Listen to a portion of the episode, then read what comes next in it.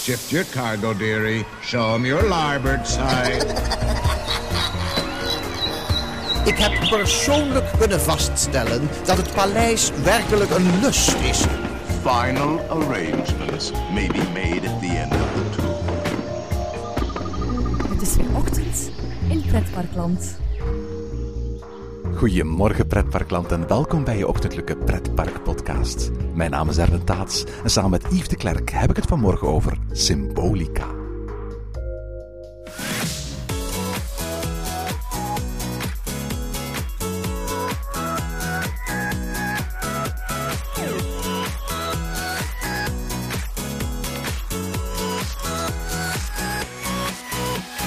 Op 1 juli van dit jaar opende de Efteling Symbolica, de duurste attractie in de 65-jarige geschiedenis van het park. In de Dark Ride worden bezoekers in fantasievaarders meegenomen door het Paleis der Fantasie en krijgen ze de kans op audiëntie bij koning Pardulfus te gaan. De attractie is niet alleen de vierde Dark Ride in het park, maar tegelijk ook de lang verwachte attractie rond Efteling-mascotte Pardoes de Tovenaar. Yves en ik deden de attractie en vertellen je in deze aflevering alles over wat wij vonden van onze helden, schatten en muziektours door Symbolica. Goedemorgen Yves. Goedemorgen Erwin. Zeg eh, Yves, eh, zoals ik al vertelde in de inleiding, we gaan het eindelijk hebben over een nieuwe Dark Ride in Ochtend in Pretparkland. En dat is eigenlijk best iets zeldzaams hè. Ja, dat is eigenlijk fantastisch hè, dat we nog eens kunnen spreken over een nieuwe Dark Ride.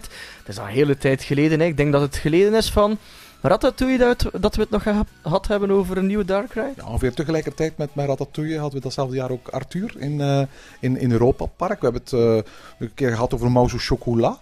Maar dat is het zo'n beetje. Nee, ik geloof dat in de loop van al onze seizoenen vanochtend in Pretparkland er meer Dark Rides gesloten zijn. Ik denk maar aan de, de, de Zilvermijn in Fantasieland, Los Piratas in Bellewaarde, um, Ocean of Darkness in Slagharen, de Ice Age attractie in, in, in Movie Park Germany, dan dat er geopend zijn. Terwijl ja, elk jaar wel genoeg afleveringen van achtbaanjagers te maken zijn met, met, met nieuwe achtbanen alleen. Hè. Dus hoe, hoe belangrijk vind jij Dark Rides eigenlijk in het, in het aanbod van een pretpark? Ah ja, ik, ik, vind, ik, ik hou van Dark Rides. Ik hou van achtbanen, maar ik hou ook van Dark Rides. En ik kan er eigenlijk heel moeilijk... En meer van Dark Rides of meer van achtbaan? Ah, ik kan daar heel moeilijk een keuze in maken. Um, voor een, een volwaardig park heeft voor mij een goede achtbaan en een goede Dark Ride. En bij jou, Erwin? Als je het over pretparken hebt, Yves, dan, dan, dan, dan hoor je steeds vaker woorden als immersie, sfeerschepping, escapisme. Toen ik naar pretparken begon te gaan als, als, als kleine jongen, dan waren de, die dark rides de attracties bij uitstek die dat mogelijk maakten. Vandaag is dat enigszins anders, hè, omdat storytelling, decoratie, thematisatie van, van wachtrijen en zo ook niet dark rides naar datzelfde niveau van sfeerschepping mee kunnen krijgen. Een, een niveau dat eigenlijk vroeger een beetje de exclusiviteit was van, van, van dark rides. Maar toch hè, zijn, zijn Dark Rides nog steeds iets heel bijzonders. Hoe fantastisch je Baron 1898 ook thematiseert met voorshows en een animatronic. Zodra je van die lifthill stort, verdwijnt dat verhaal en je zit gewoon in een achtbaan. Hè. En, en, en dat is op zich vooral duidelijk geen kritiek op Baron 1898. Ik vind dat, vind dat geweldig. Dat is nu eenmaal het natuur van het beestje. Een Dark Ride ja, ik heb het wel eens genoemd, de theatervoorstelling van de pretparkattracties. En, en de makers van Dark Rides, die hebben letterlijk alles in de hand. Licht en geur en kleur en geluid en muziek en verhaal en personages. Wat mij betreft hè, zijn tot op vandaag Dark Rides het keurmerk van een pretpark. Er zijn weinig slechte parken met goede dark rides. En als je bijvoorbeeld de, de, de, de TEA Top 20 bekijkt, zoals zo'n zo jaarlijkse lijst die uitgebracht wordt van meest succesvolle uh, parken, uh, dan prijken daar weinig of geen parken in die top 20 die het alleen van achtbaan moeten hebben. De, de meest succesvolle parken ter wereld, dat zijn parken met goede dark rides. Disneyland, succesvolste park van Europa, heeft meer dark rides dan om het even welk ander park van Europa. En Europa Park, het grootste park van Duitsland, heeft meer dark rides dan om het even welk ander Duits park. En, de Efteling, het grootste en meest succesvolle park van de Benelux, heeft meer dark rides dan om het even welk ander park in de Benelux. En, en een park zonder dark hè, voor mij, dat is een beetje een park zonder een hart. Ja, inderdaad. Hè. En als je ehm, bezoekers hoort over de Efteling bijvoorbeeld, dan spreken ze inderdaad wel over Joris en Draak en over Baron. Maar dan spreken ze met evenveel enthousiasme over Droomvlucht en over Fata Morgana. En hetzelfde met Disneyland. Er worden enthousiaste verhalen afgestoken over Pirates of the Caribbean. En we doen het ook allemaal super graag natuurlijk. Eh, Dark rides zijn inderdaad belangrijk voor een park. En er is een groot verschil tussen dark rides en achtbanen. Een dark ride, dat is de familieattractie bij uitstek. Daar kan je van genieten met heel je familie. Meestal is er geen minimumlengte, dus kleine kinderen kunnen mee, maar je oma en je opa kunnen ook gerust mee. En iedereen kan ervan genieten en samen een attractie beleven, dat is belangrijk. En dat neem je ook mee in je herinneringen naar huis. Vertel eens, wat dacht je toen je hoorde de Efteling komt met Symbolica als nieuwe Dark Ride? Eh, symbolica of hartig of Erwin? Ja, maakt niet uit. Ja, maar gewoon al het idee dat de Efteling ging investeren in een grootste nieuwe Dark Ride. Ja, dan was ik minstens even enthousiast als de aankondiging van een BNM in de Efteling. En wat deed dat bij jou, Erwin? Mijn hart maakte gewoon een sprongetje toen ik hoorde dat, dat eerst Hartenhof, daarna Symbolica er zou komen. Wie onze podcast hoorde over de, de, de, aankondiging van, van, van Hartenhof, in eh, seizoen 3 van Ochtend in Pretparkland was dat, weet dat, dat dat hart bij mij op een dubbele manier sprong. Ja, aan de ene kant vond ik het geweldig nieuws, want eindelijk was er weer een, nieuwe Efteling Dark Ride. Eh, en, en besef trouwens dat alle bestaande Dark Rides van de Efteling in een periode van negen jaar geopend zijn in die geschiedenis van 65 jaar Efteling. Tussen 1984 van het Carnavalfestival en 1993 van, van Droomvlucht. Dus al die, ik associeer vaak Efteling met, met Dark Ride Park, maar eigenlijk zijn, zijn alle Dark Rides in Efteling maar op een heel korte periode eh, er gebouwd. Hè. Maar er was natuurlijk iets anders dat dat hart een beetje deed springen. En dat is het nieuws dat het een Pardoes Dark Ride zou worden. Ja, ben je heel liefhebber van Pardoes, Erwin? Tja, je weet dat, maar ik, ik, ik vond, en, en als ik heel eerlijk ben, ik vind Pardoes als uitgangspunt voor een attractie maar niks. Ik heb nooit iets gehad met de stijl van Henny Knoet, die, dus de man die Pardoes introduceerde in de Efteling. En eigenlijk ook niet met de manier waarop zijn stijl steeds meer een invloed kreeg op de algemene stijlkenmerken en vormgeving van het park. Maar ik denk dat mijn, mijn grootste bezwaar, ook al, ook al heb ik eigenlijk de Efteling zo goed als niet gekend zonder de figuur van Pardoes, eh, had ik eigenlijk altijd een probleem met de figuur van Pardoes zelf. Niet als, als mascotte, niet als lopend figuurtje. Ik zag ook wel hoe populair dat was, hoe, hoe, hoe goed kinderen daarop reageerden en, en, en, en hoeveel mensen eh, eh, poppetjes van Pardoes en zo gingen kopen. Dat was vooral als het ware die background story van Pardoes, die door de jaren heen steeds nodeloos complexer werd en, en waar steeds weer nieuwe nevenpersonages en achtergrondverhalen en locaties aan werden toegevoegd. Eh, in, in de loop van twintig jaar kregen we lees- en luisterboeken, stripverhalen, parkshows, tv-series en elke nieuwe iteratie vond ik minder interessant dan de vorige. Vaak waren de dingen in tegenspraak met wat er aan vooraf ging. En, en ik had echt het gevoel dat Pardoes een soort van constant work in progress was. En op zich is daar niks mis mee, maar er werd in mijn ogen zelden of nooit progress gemaakt. Ehm goh ja, onder invloed van Harry Potter werden de de, oorspronkelijke Nederlandstalige toverspreukjes op een bepaald moment pseudo-Latijn. En zijn wereld werd een beetje groter. eh, tot er zelfs een heel universum rond de planeet Symbolica werd gemaakt.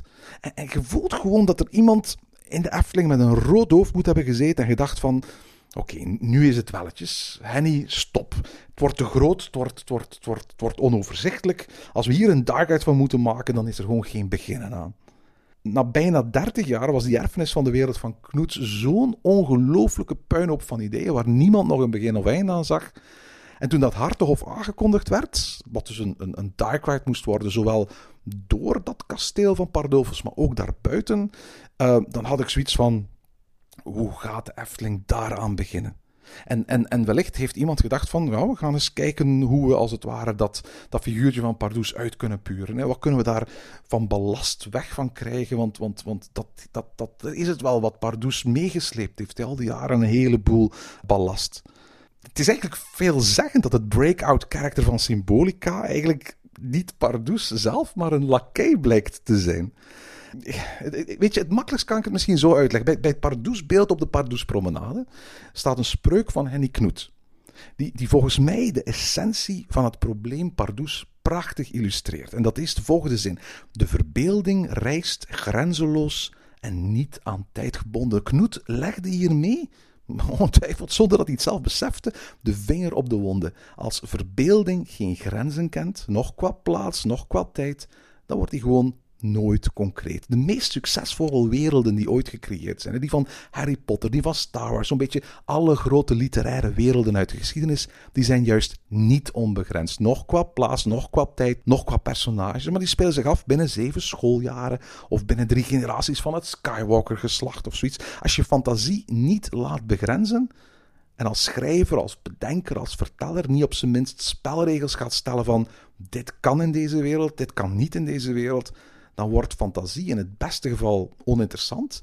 En in het slechtste geval niet te volgen, niet te begrijpen. En dat was absoluut een, gevoel dat ik had toen uiteindelijk een aantal jaar geleden, naar aanleiding van de aankondiging van Hartog of de Efteling, tevoorschijn kwam met, met, met die tv-serie en dat, dat, dat boek. En, en, en dat was een allegaartje van bij elkaar gejatte topboy uit tal van fantasyzaken. En dat was niet eens moeilijk om te volgen, dat was eigenlijk vooral heel erg oninteressant. En toen uiteindelijk werd aangekondigd dat eerst Hartoghof, daarna Symbolica, toch die Pardoes-attractie zou worden. Dat er toch iemand in de Efteling was die geloofde dat ondanks al die beperkingen, die figuur van Pardoes op de een of andere manier toch interessant genoeg was voor zijn eigen attractie. Dacht ik van, ik ben eigenlijk echt wel eens benieuwd wat ze achter de schermen bedacht en uitgevonden hebben. Dat dat figuurtje, dat, dat eigenlijk bij wijze van spreken al bijna een kwart eeuw lang afgekeurd wordt door het publiek. Tenzij als walk-around character en als, als mascotte. De moeite maar waard maakt om zo'n prominente rol te geven dat, dat, dat probleem dat konden ze eventueel oplossen door ofwel heel erg goed vast te stellen en vast te zetten wie is Pardoes nu, en daar houden we het ook bij. Ofwel gaan we gewoon Pardoes heel weinig zien in de attractie. Dat waren waarschijnlijk dan de twee verschillende opties die er waren. Ja, absoluut, absoluut. Ik geloof dat ze, dat ze uiteindelijk beide hebben gedaan. Hoor. Ik geloof dat ze een stijlboek hebben gemaakt waar ze heel precies de wereld van Bardoes hebben neergeschreven. Maar dat ze tegelijkertijd in de uh, uitwerking van, van Symbolica op een bepaald moment gezegd hebben: we gaan schrappen in dat stijlboek en, en, en de figuur van Pardoes en zijn omgeving tot, tot de, de, de essentie terugbrengen. En aan de andere kant uh, hebben ze ook beseft van, eigenlijk moeten we niet zo heel erg veel met die partoes doen. Uh, die partoes moet gewoon een aantal keren tevoorschijn komen, een beetje met de toverstafje zwaaien en eigenlijk voor de rest geen al te grote rol hebben in deze attractie. Ja, want als we dan kijken naar Symbolica, dan is Pardoes misschien wel de gastheer, maar niet de hoofdrol van de attractie. Eh, voor alle duidelijkheid, we gaan niet al te veel vertellen over Symbolica zelf, maar we gaan ervan uitgaan dat onze luisteraars die attractie al gedaan hebben. In ons verhaal gaan we vooral onze mening geven, en die zit uiteraard vol met, met spoilers. En we gaan eigenlijk gewoon vertellen van wat, wat, wat vinden we nu van die attractie. Ja, en uh, als je naar een podcast luistert, dan kan je wel meevolgen, maar dan heb je het ook nog niet per se gezien. Dus we gaan wel veel vertellen, maar het echt nog meemaken is toch nog iets anders. Hè? Voilà, dus als, als, als je Symbolica nog niet gedaan hebt, dan, dan denk ik dat we op dit moment advies geven van zet deze podcast af en herbeluister wanneer je de attractie gedaan hebt in de Efteling. Hè? Ja, want uh, je moet zelf bepalen natuurlijk in welke mate je gespoeld wilt worden, want bijvoorbeeld de Efteling had op voorhand, voor de opening van uh, Symbolica, zelf ook ook al heel veel naar buiten gebracht. Heb je dat allemaal gezien, Erwin?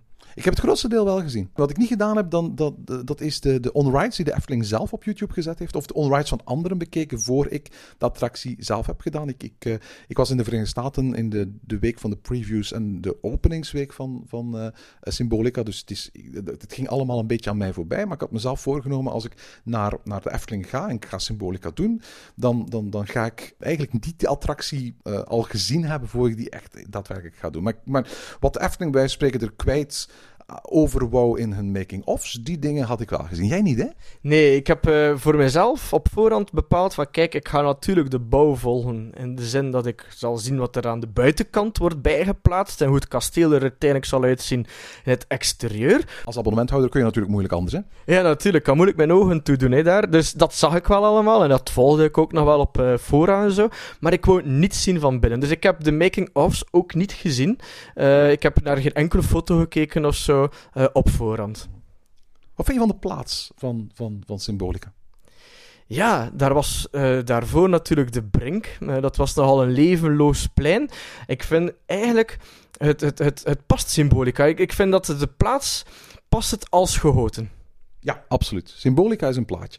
Ik vind, ik vind het geweldig hoe in tegenstelling trouwens tot een, tot een, tot een Disney-kasteel, dat kasteel van koning Pardulfus zich niet onmiddellijk laat zien aan iemand die de Efteling binnenwandelt, maar dat, dat je als je dus via de Pardoespromenade wandelt, die zo'n zo'n aantal knikken heeft, dat je eigenlijk een aantal keer een bochtje om moet gaan voor je dat kasteel daar in de verte ziet staan. Ja, het kasteel ja, het doemt op, zou je kunnen zeggen. Al- Alhoewel, opdoen is misschien het verkeerde woord. Je, Klinkt wat omineus, hè? Ja, je ziet de, de bomen hè, gaan weg en je kan zo eh, achter de kruinen van de bomen het kasteel zien verschijnen. En dat is eigenlijk wel een heel mooi plaatje. Ja, een heel indrukwekkende reveal is dat. Het enige waar ik minder van overtuigd ben, eh, dat is die fontein die daarvoor staat. Ik weet niet goed waarom ze er staat, zo dicht op de ingang. En, en ze is ook zo, zo, zo weinig bijzonder. Er staat zo'n witte bol op, die waarschijnlijk moet verwijzen naar de, de witte bol die ook op alle fantasievaarders eh, staat.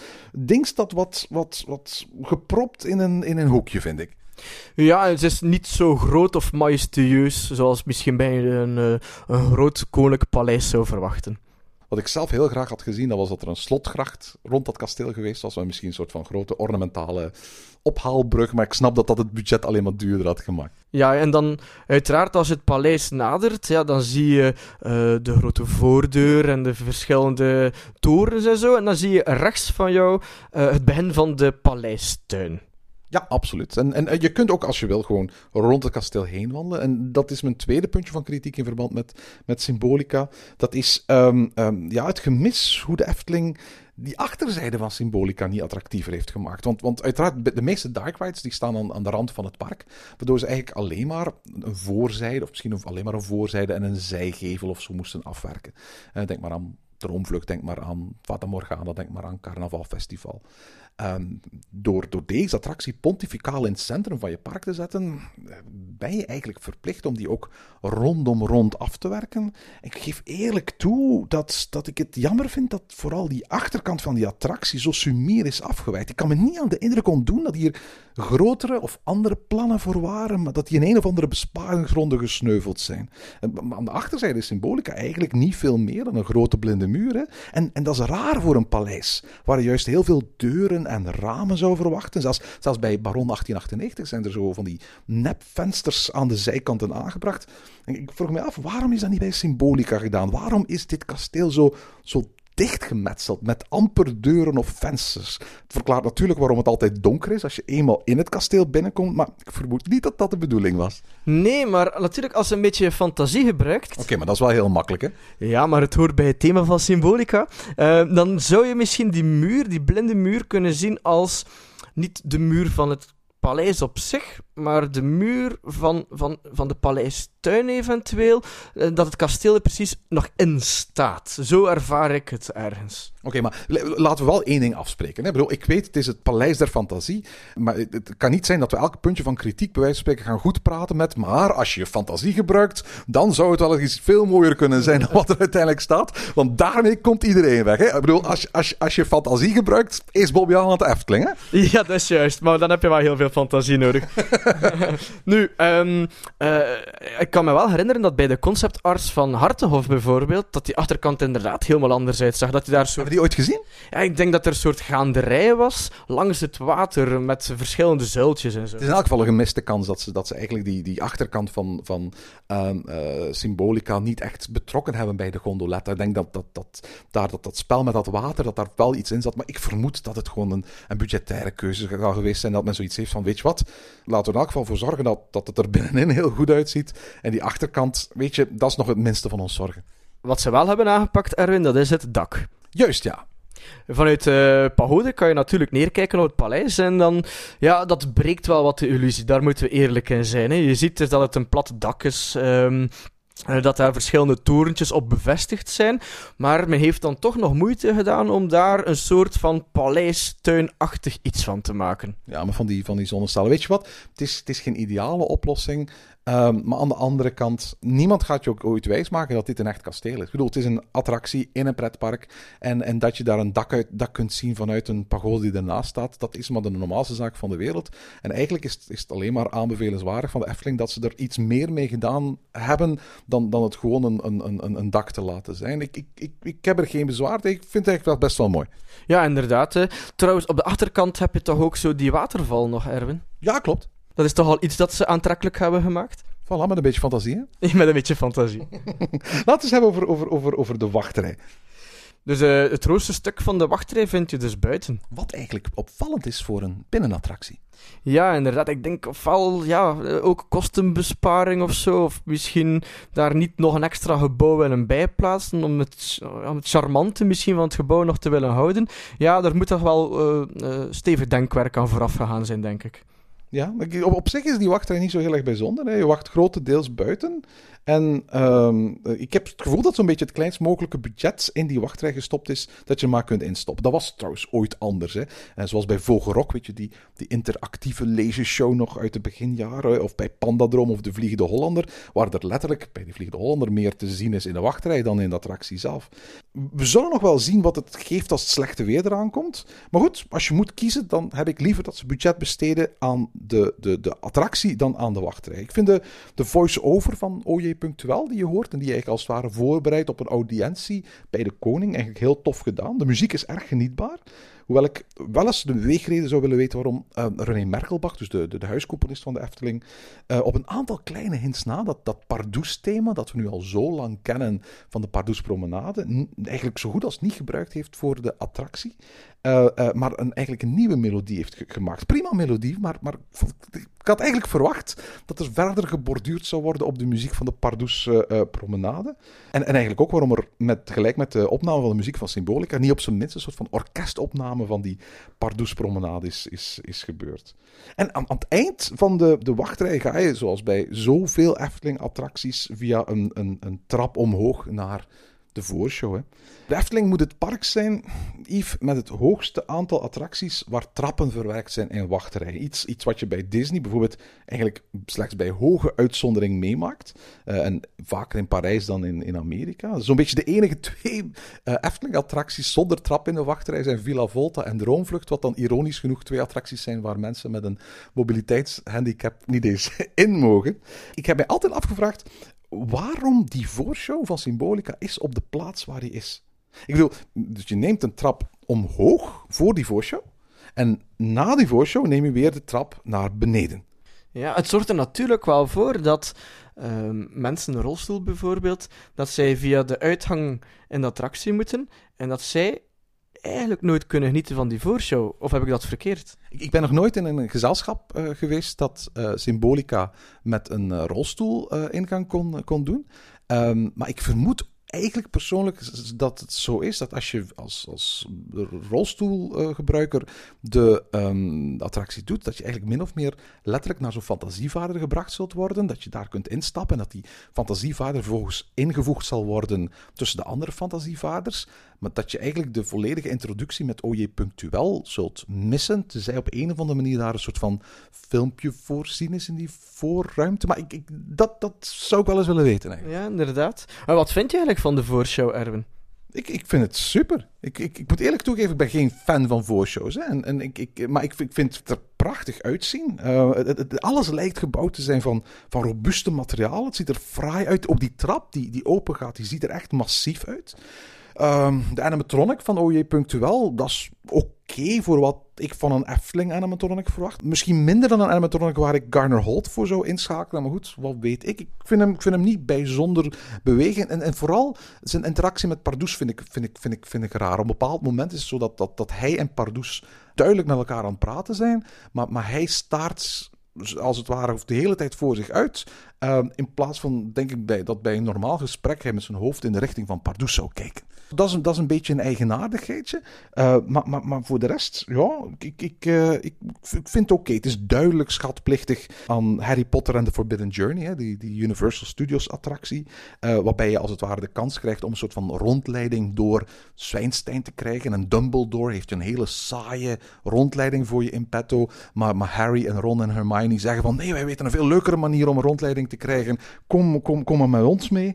en, en vervolgens is het zo dat Hermione met dat toverstaf en wat brandstof de bank waarop je gaat zitten doet vliegen. En dan maak je een veel toffere rondleiding mee dan, dan, dan, dan wat oorspronkelijk bedoeld is. Daar is duidelijk het, het concept van, van, van afgekeken. Maar ik moet eerlijk toegeven van, ja, ik vind, vind, vind een hele mooie ruimte en, en, en ik vind een hele passende show. En ik merk ook dat, dat, dat, dat de, de, bezoekers die erin staan toch elke keer uh, behoorlijk wat O's en A's laten blijken. Wanneer die, die, die, die, die, die kleine lichtjes op de trap beginnen te branden, maar uiteindelijk die trap open gaat. Ja, ik, ik was eigenlijk echt verrast. Dus zoals ik al eerder zei, ik was ehm, van niets op de hoogte. Ik had nog niets gezien of zo en ook nog niets gelezen. Dus ik kom binnen in die voorruimte, eh voorshowruimte. En eh, uiteraard denk ik dan dat we onze tocht verder gaan zetten door de deur die daar aan de achterzijde eh, bevestigd lijkt te zijn. Ja, ik, ik was eigenlijk echt wel verrast door die voorshow. Zeker het moment dus dat die trappen open gaan. En dat heeft wel ergens een, ehm, een spektakelwaarde eigenlijk met zich mee. En ik vind eigenlijk ook dat die, die voorshow... eh, ik vreesde zo een beetje oh, voor een saaie voorshow, zoals ik eigenlijk de voorshow van Villa Volta wel een beetje vind. Maar dat is helemaal niet het geval. Ik vind de voorshow niet te lang en ook niet te kort. Ik denk dat hij eh, goed is. Dat hij kort en krachtig is. De trap gaat open. En ik vind dat, dat het een goede start is eigenlijk van de attractie.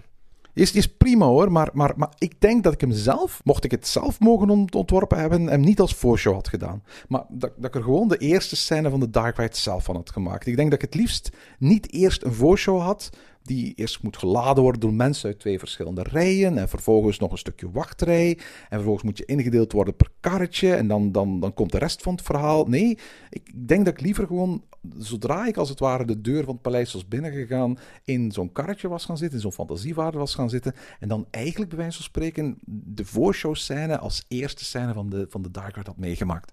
Ja, inderdaad. En er zijn inderdaad ook twee verschillende rijen, want er zijn ook single riders eh, aanwezig. Hè? Vervolgens ga je via een, een, een, een, eh, trappenhal eh, richting het station.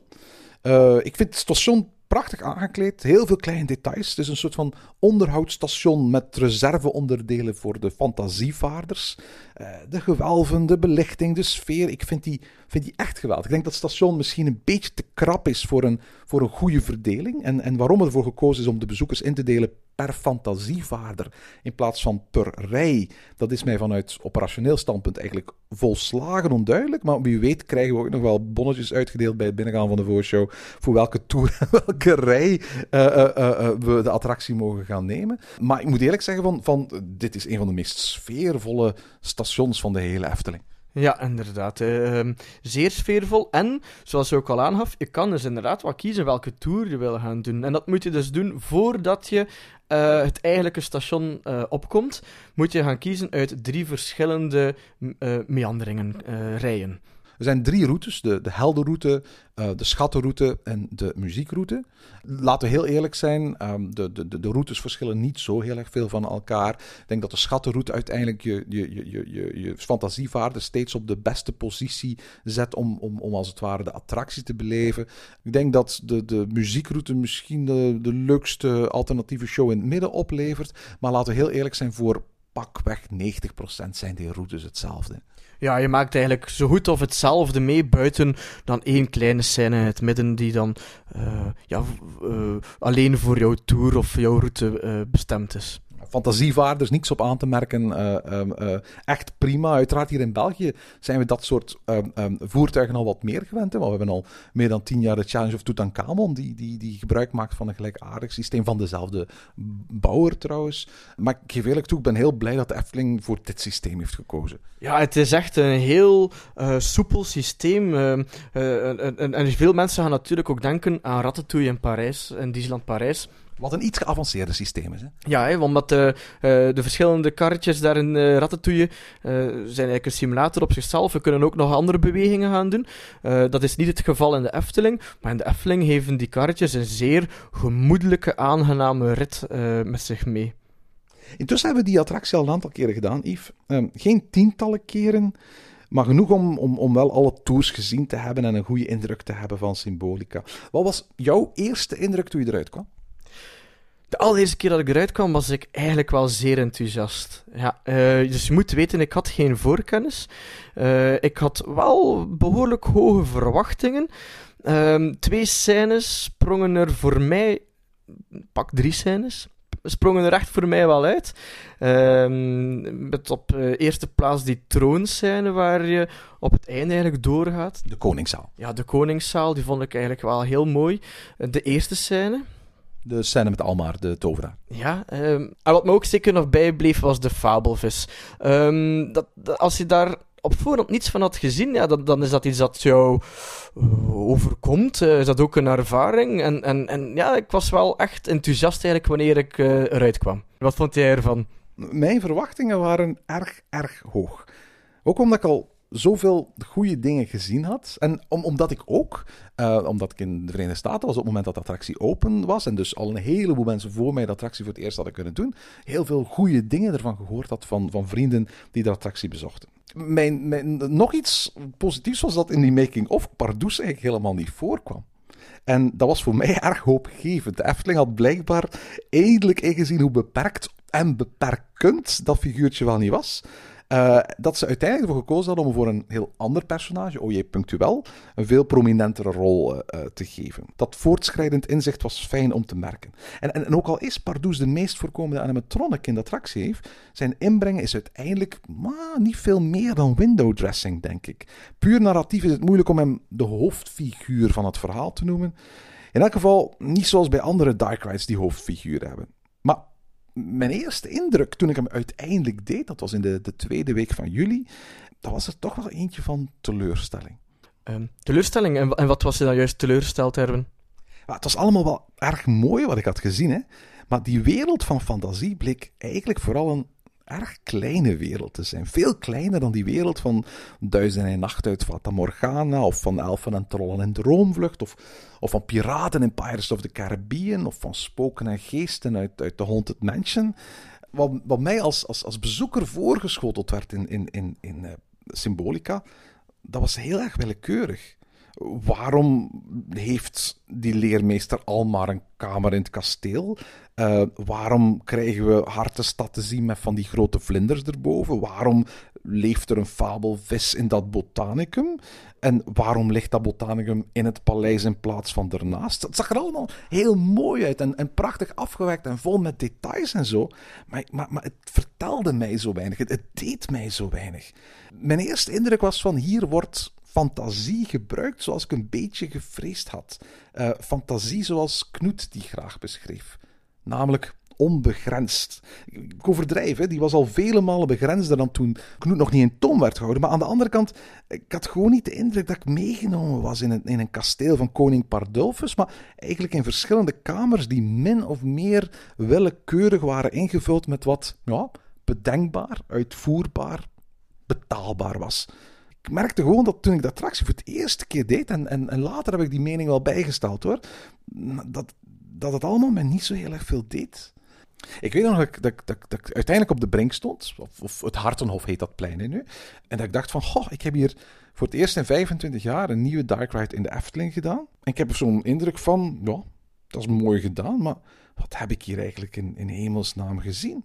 En, en dat kwam niet omdat er zoveel detail was dat ik, dat ik niet wist waar ik maar moest kijken. Maar vooral dat ik in mijn hoofd op dat moment geen manier vond om me vast te klampen aan iets narratief tastbaars. Dat alles bij elkaar kan houden. Ik stond er echt van. Maar Erwin, dit was toch echt prachtig? Wat een geweldig transportsysteem toe. En, en, Pardoes komt echt maar minimaal in die attractie voor. En Erwin, je moet eens kijken hoe rondom alles tot in de kleinste puntjes was afgewerkt. En het is waar, kijk naar die plafonds, kijk naar de vloeren, kijk naar de muren. Kijk naar de werkelijk toverachtig mooie belichting, naar dat dromerige, dat maar tegelijkertijd ook wel statige wijsje dat je overal hoort. En, en meer animatronics dan de Efteling ooit in een kwart eeuw tegelijkertijd heeft voorgesteld. En ik stond daar en ik vroeg mijzelf af, en mijn gezelschap ook, waarom raakte deze attractie me dan maar zo weinig? Ja, en waar, waar ligt het dan aan, Erwin? Ja, ik, zoals je zei, het was, het was de eerste indruk dat, ik had. Hè. Laat ik het eerst zeggen waar het niet aan ligt. En dat is aan het interactieve gedeelte. Want daar heb jij het nog niet over gehad. Daar had je geen bezwaar tegen. Ja, wel. Um, ik, ik heb eigenlijk voornamelijk, eh, vanuit mijn eerste ervaring, het positieve uh, onthouden. Ja? Um, het is niet allemaal positief. Ja? Ik, ik vind het een zeer goede attractie. En het is voor mij echt een een, een, een prachtige dark ride. Maar het interactieve aspect, ja, dat vind ik inderdaad zelf wel ook wat minder. Um... Wat minder? het, is, het is overbodig, het is, het is onduidelijk, het is infantiel. Ja, het, het, wat, mijn grootste bezwaar daartegen is dat het voor mij de attractie breekt. Het, uh, de attractie heeft een goede vaart. Uh, je gaat door verschillende ruimtes. Maar dan het interactieve aspect zorgt er eigenlijk voor dat je met iets bezig bent dat eigenlijk niet past binnen die dark ride. Allee, met iets bezig. Alleen de eerste rij is eigenlijk met iets bezig. De tweede rij, eh, ja, is met niets bezig. Nou, het is erger dan dat. Hè. Ik, ben, ik ben nu ook niet van de domste, maar ik heb die attractie nu al verschillende keren gedaan. En waarlijk, Yves, ik heb geen flow idee wat precies de bedoeling is. Er moet een bedoeling zijn van dat interactieve gedeelte. Want die animaties in die spiegels en die knoppen op die touchscreens en die fantasievaarders, die reageren op de een of andere manier op elkaar. Hè. En, en iemand moet aan een programmeur verteld hebben, instructies gegeven hebben van als men op dat knopje duwt, dan moet dat gebeuren in die spiegels. Dus met andere woorden, er is iemand bij de Efteling die mij kan uitleggen wat precies de bedoeling is en wat ik daarmee moet doen. Maar ik begrijp het echt niet. Heb jij begrepen wat de bedoeling was? Nee, ik heb het niet begrepen. Ik kan alleen maar zeggen eh, dat, eh, dat iedereen eh, als een halve hek begon te duwen op die, die, die lichtgevende schermpjes. En dat er wel beweging was. Ik vraag me eigenlijk af, als je niet doet op die schermpjes, of er dan ook beweging is, of beweegt er dan niets. Van, er beginnen vanzelf van allerlei dingen te bewegen. Ja, dan, ja, dan, dan is dat interactieve aspect ja, wel een schot naast de roos, denk ik. Weet je, ik ga je uitleggen wat het nut is van dat interactieve aspect. Het was een low-cost manier om die fantasievaarder ergens een tijd lang stil te zetten, zonder dat je voor de rest veel moet investeren in animatronics of fysieke effecten.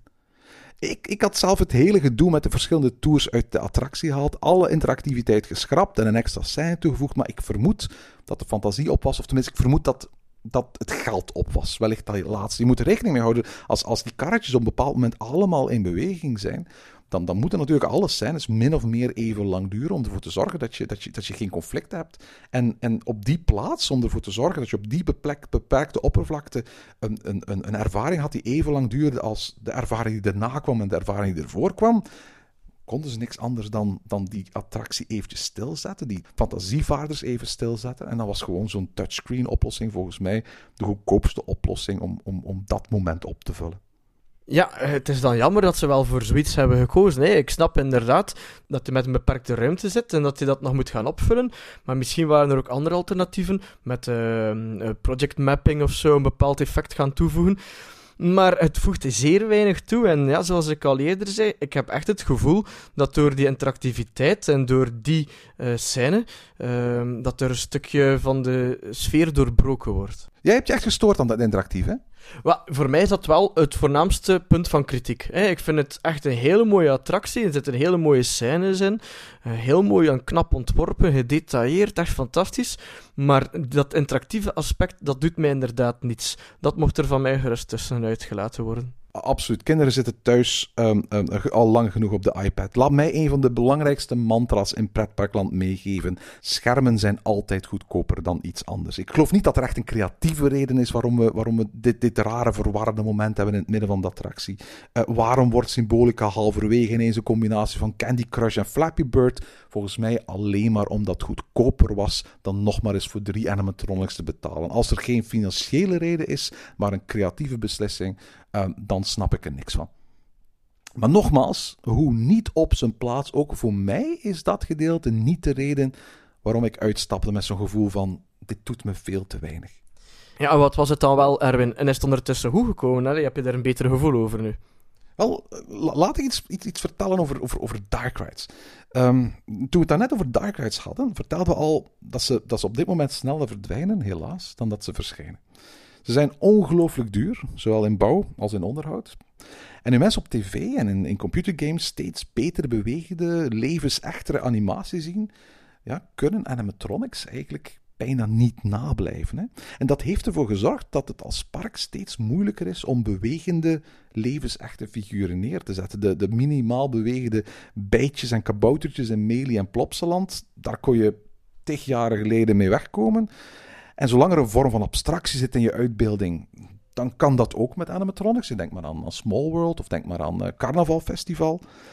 Maar als levensechtheid een factor wordt, dan zijn de ogen van een mens in 2017 nu eenmaal een stuk kritischer dan die van iemand van een kwart eeuw geleden. Als de Efteling ooit eens een zak geld vindt, zou ik trouwens fijn vinden mochten ze een aantal cruciale animatronics in Fata Morgana gaan vervangen door, door modernere bewegende nevenknieën. Maar daar heb je echt een zak geld voor nodig. Animatronics, zeker als je die extern gaat inkopen, dat, dat is ontzettend, ontzettend duur. En het gevolg is dat nieuwe dark rides steeds vaker de nadruk gaan leggen meer op de wereld en de omgeving en steeds minder op de bevolking van die wereld of van die omgeving. Voor, voor Walibi Belgium was in 1985 de normaalste zaak om, om het paleis van Alibaba te bevolken met 200 pneumatisch aangedreven Oosterse ventjes. Maar ik ben net terug van Walt Disney World waar ik Navi River Journey deed. En daar staat exact één enkele, weliswaar geweldige animatronic. En terwijl Mission Breakout in Anaheim helemaal draait rond de figuren van Guardians of the Galaxy, is daar exact één animatronic toegevoegd. De rest is allemaal gefilmd. Animatronics zijn zo duur geworden dat ze eye-catchers geworden zijn van attracties. Zoals de Baron in, in Baron 1898 of de Goblins in Gringotts. In heel Hogsmeade, in The Wizarding World van Harry Potter, komt er wel geteld één animatronic voor. En in heel Pandora, The World of Avatar, zijn dat er twee. Dat betekent dat bij Dark Rides vandaag de, de, nadruk steeds meer verschuift naar, naar visuele effecten, naar, naar videomapping, naar, naar projecties en naar, naar, naar de fysieke wereld in plaats van personages. Als, als Disney nu bijvoorbeeld een piratenattractie zou bouwen, hè, dan zou je misschien niet meer Pirates of the Caribbean heten, maar The Caribbean with some pirates. Letterlijk in, en de Shanghai-versie van Pirates of the Caribbean, die dus vorig jaar is opengegaan, daar waren maar vier animatronics, wist je dat? Kijk, Symbolica is om die reden ja, een, een, een, een dark ride van zijn tijd. De nostalgische Erwin, die zijn ogen uitkeek in Apirama en in het uh, paleis van Alibaba en Bos van Plop en Fata Morgana, die vindt dat jammer. Maar de Erwin van vandaag, die ziet ook wel hoe die dingen aan het evolueren zijn. Ik, ik begrijp dat allemaal wel. Echter, daardoor voelen de ruimtes van het kasteel zo, zo desolaat aan. Er zijn amper deuren of ramen, ook niet tussen de verschillende vertrekken. Er loopt niemand door die gangen. De hele hofhouding bestaat blijkbaar alleen maar uit één lakij en één keukenhulpje. Er is geen tuinier in dat hele botanicum te zien. Er is geen archivaris of afstoffer in dat depot. En het lijkt erop dat in de koningszaal een feestje bezig is waar de meeste gasten nog moeten arriveren. Ja, natuurlijk. Maar ja, je zou kunnen denken, wij zijn de gasten. Wij komen daartoe. Op het, op het feestje, daar heb je gelijk uh, in. Maar in de rest van het kasteel, waar is iedereen? Ja, dat is waar. Er is weinig leven in de fantasie. Maar de grootste manco in mijn ogen is zelfs dat niet. Het is het, de cadans van de attractie, het ritme. Ik heb, ik heb al heel veel mensen horen zeggen dat ze vinden dat de fantasievaarders te langzaam gaan of te sloom gaan. Volgens mij is dat niet zo. Deze attractie gaat niet uh, uh, langzamer dan, dan Challenge of Tutankhamon of, of Ratatouille of zo. Maar, maar wat, wat, wel is, is de, de cadans, dus de manier waarop er een soort van natuurlijke flow in de attractie zit, die zit op dit moment nog niet goed. Dat waar Droomvlucht en Fata Morgana die flow perfect hebben weten te realiseren, daar is in symbolica die discrete regelmaat die je zou verwachten eigenlijk te krom. De wagentjes gaan niet te snel of te traag, maar ze lijken niet te reageren op hun omgeving. Als de fabelvis uh, met zijn staart tegen het raam slaat, een scène die echt trouwens veel meer water verdient dan die pietenputterige straatjes die er nu uitkomen. Um, um, dan verwacht je dat die wagentjes meteen terugdeinzen. En dat je een stem van Pardoes hoort zeggen van oei, een fabelvis, snel, kom maar hierheen. Maar nee, op dat moment blijven die wagentjes gewoon staan, rijden dan één voor één naar achteren. En als je als laatste langs Pardoes passeert, hoor je hem letterlijk een minuut later dan dat die vis met zijn staart geslagen heeft, zoiets zeggen van, ik breng jou in veiligheid. Snap je wat ik bedoel met, met de cadans die te, te, te traag aanvoelt? Het, het, het, het, het voelt alsof of de verschillende zaken van de attractie gewoon niet goed op elkaar reageren. Het lijkt alsof we buitenstaanders blijven, ook al zitten we eigenlijk in de attractie. We gaan er wel door, het gebeurt allemaal, we kijken er naar, maar we reageren er eigenlijk te weinig op. Of toch vanuit het transportsysteem. Ja, en datzelfde gevoel heb ik ook bij de verschillende routes en de manier waardoor je door dat depot gaat. Maar, maar ook bij het uitzicht over de hartenstad, waarbij die, die vlinders op zo'n vreemde manier je aandacht wegtrekken van dat panorama. En, en ook bij de overgang van de, de Koningszaal naar de galerij van Fantasievollen en de uitstapruimte. Op de een of andere reden vloeien de verschillende scènes niet vlot over in elkaar. En het gaat mij minder om het tempo, maar eerder om de cadans. De manier waarop ik zou verwachten dat de gebeurtenissen die, in, in, in, in, die te zien zijn, een reactie van de karretjes zouden gaan uitlokken. Ja, goed, nu, de attractie staat er. Is nu al zo ontworpen. Zou dat nog iets zijn dat, dat me zou kunnen aanpassen, denk je? Ik, ik heb uiteraard geen enkele verstand van, van de techniek die hier gebruikt, gebruikt wordt. Wat er staat, ziet er fantastisch mooi uit. Het is de manier waarop je er doorheen gaat, die wat mij betreft eigenlijk de, grootste manco is aan de attractie. Ik heb het gevoel, dit moet softwarematig op te lossen zijn.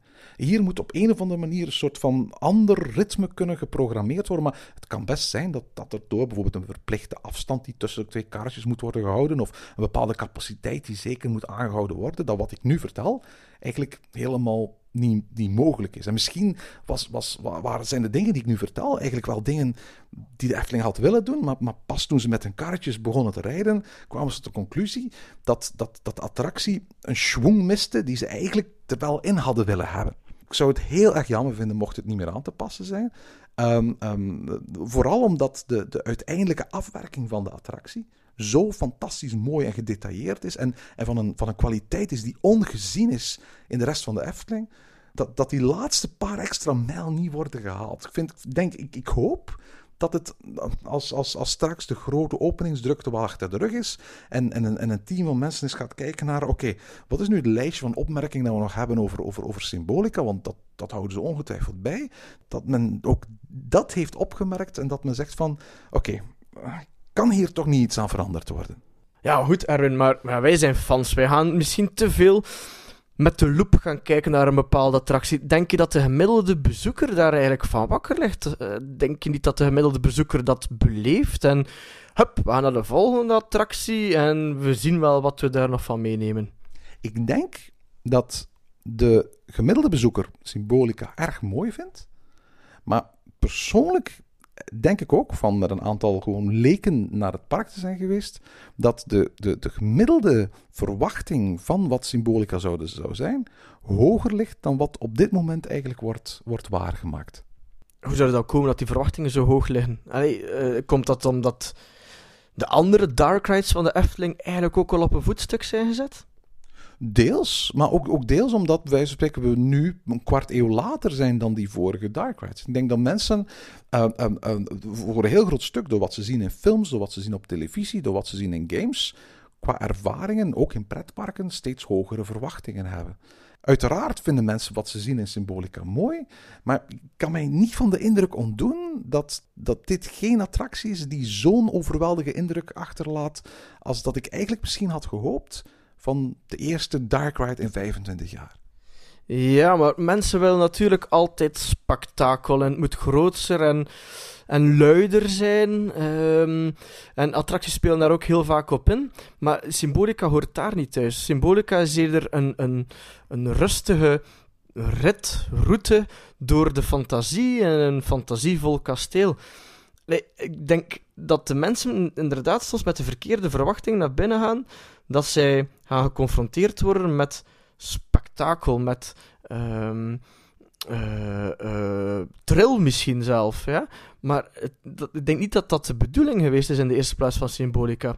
In, in die zin zie ik Symbolica zelf eerder als um, een, een, soort van nieuwe droomvlucht. Hè. In droomvlucht ga je ook met een tempo, met een rustig tempo, door verschillende scènes.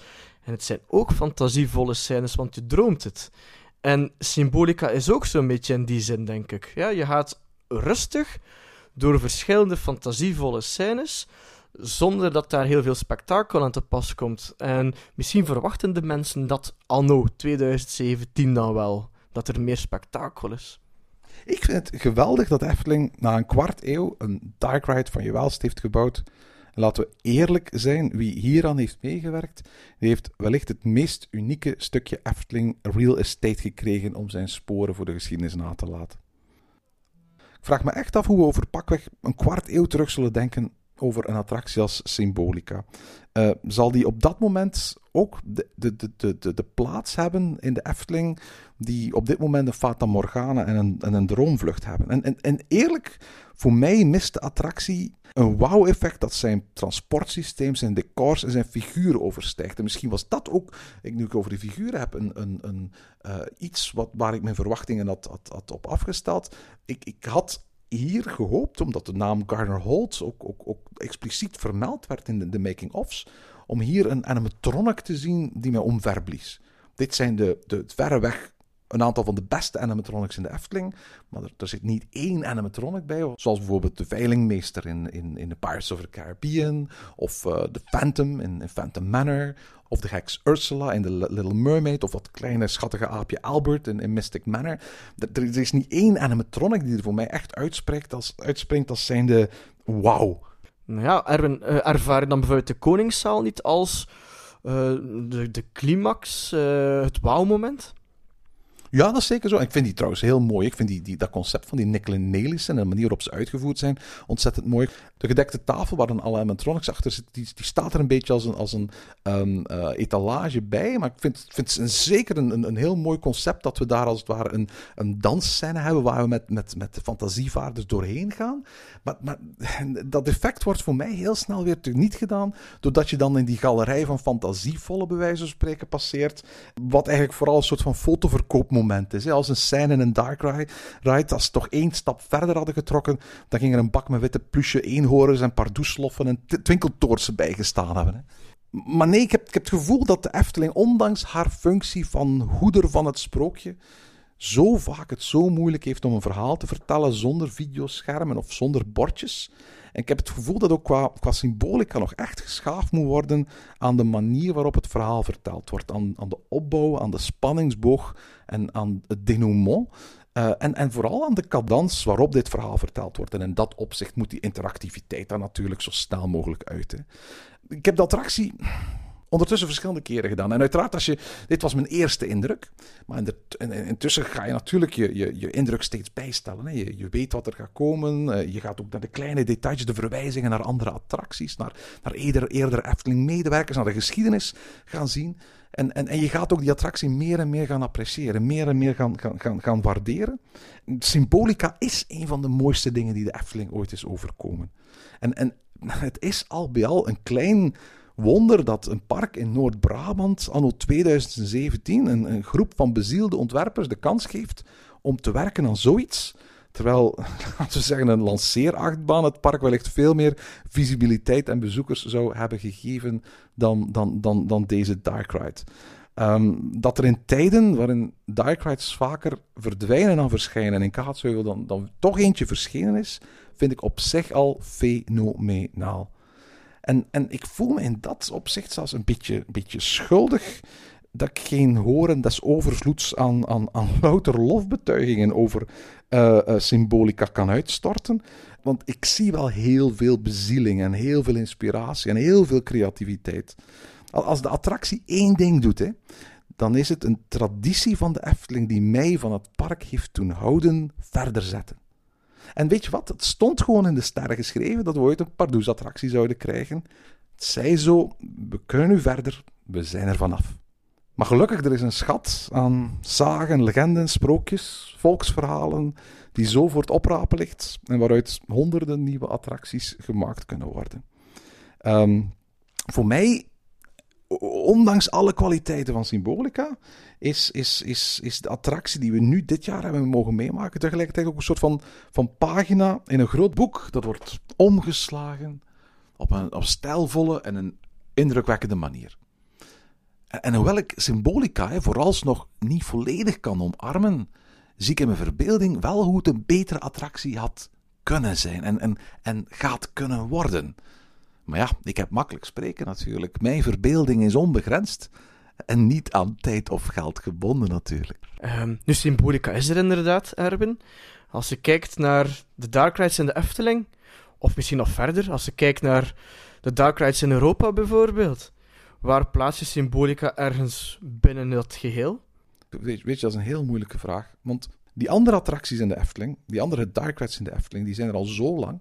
En daar heb ik zo'n nostalgisch gevoel mee. Dat, dat, is, is een, een versie van Erwin die ooit als zesjarig jongetje Fata Morgana is geweest. En, en er is nooit een zesjarige Erwin die ooit in Symbolica kan, kan, kan gaan. En, en dat alleen al zorgt voor een ontzettend groot verschil.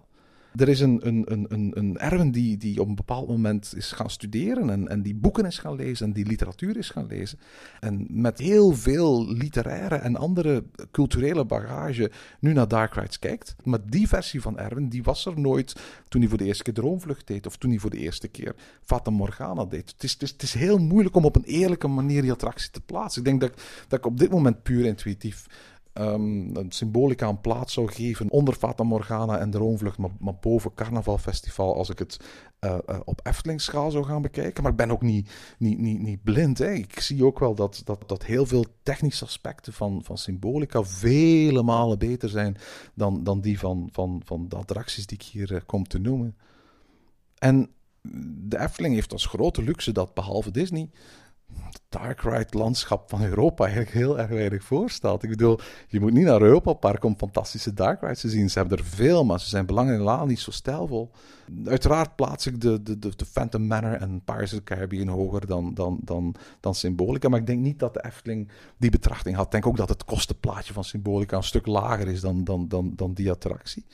Misschien had ik gehoopt dat met Symbolica de Efteling een attractie zou presenteren die, die zoals een soort Mystic Manor in één keer aan de top zou staan van, van, van, van de dark ride wereld in, in Europa.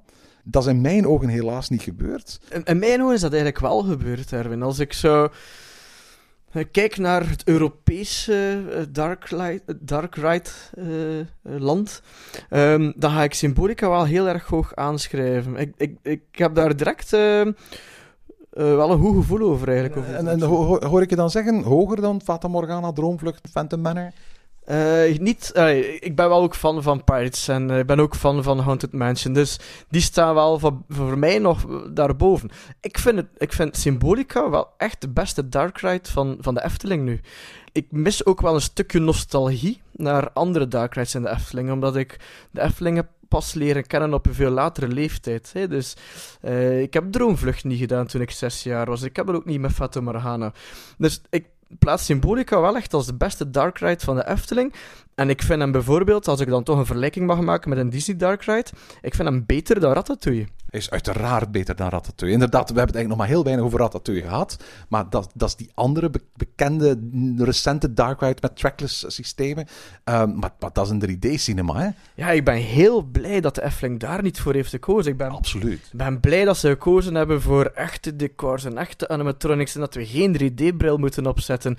Dat is een lovenswaardige keuze voor de Efteling. Nee, maar en, het toffe is dat de Efteling zoveel lovenswaardige keuzes heeft gemaakt. Ze hebben gekozen voor hoogwaardige materialen. Ze hebben gekozen voor, voor een stijlvolle uitvoering. Ja, en ik ben eigenlijk heel erg benieuwd hoe die attractie ook zal groeien bij ons en bij de bezoekers van de Efteling. Hè. Dus wat we inderdaad bijvoorbeeld binnen 5 of 10 of 20 jaar van die attractie gaan vinden. Um, ja, voor mij mag die attractie uh, met recht en reden in het hart van de Efteling staan. Ja, we hebben, we hebben ooit een, een, een aflevering gemaakt over de opening van, van um, uh, De Vliegende Hollander. Daar waren we toen niet super enthousiast over. En we doen tien jaar later een, een nieuwe aflevering gemaakt over, de, over, over, wat we na tien jaar over De Vliegende Hollander dachten. Ik stel voor dat we, dat we exact diezelfde afspraak maken nu met Symbolica. Dat we proberen, als, als onze podcast er dan nog is, over tien jaar eens te kijken van, kijk, na tien jaar Efteling bezoeken, wat, wat, vinden we nu van symbolica? En, en, ik ben zelf eigenlijk benieuwd hoe mijn mening de komende maanden en jaren wat betreft van symbolica uh, nog gaat veranderen. Nou goed, dat is dan afgesproken. Uh, binnen dit en tien jaar uh, doen we dat, Erwin. En tot zover deze aflevering van Ochtend in Pretparkland. Heb je vragen of opmerkingen? Mail ons dan via ochtend.pretparkland.be. Meer informatie over onze podcast vind je terug op www.pretparkland.be en nieuwe afleveringen download je via onze website of via iTunes. Ochtend in Pretparkland is de pretparkpodcast voor vroege vogels. Bedankt voor het luisteren en maak er een fijne dag van.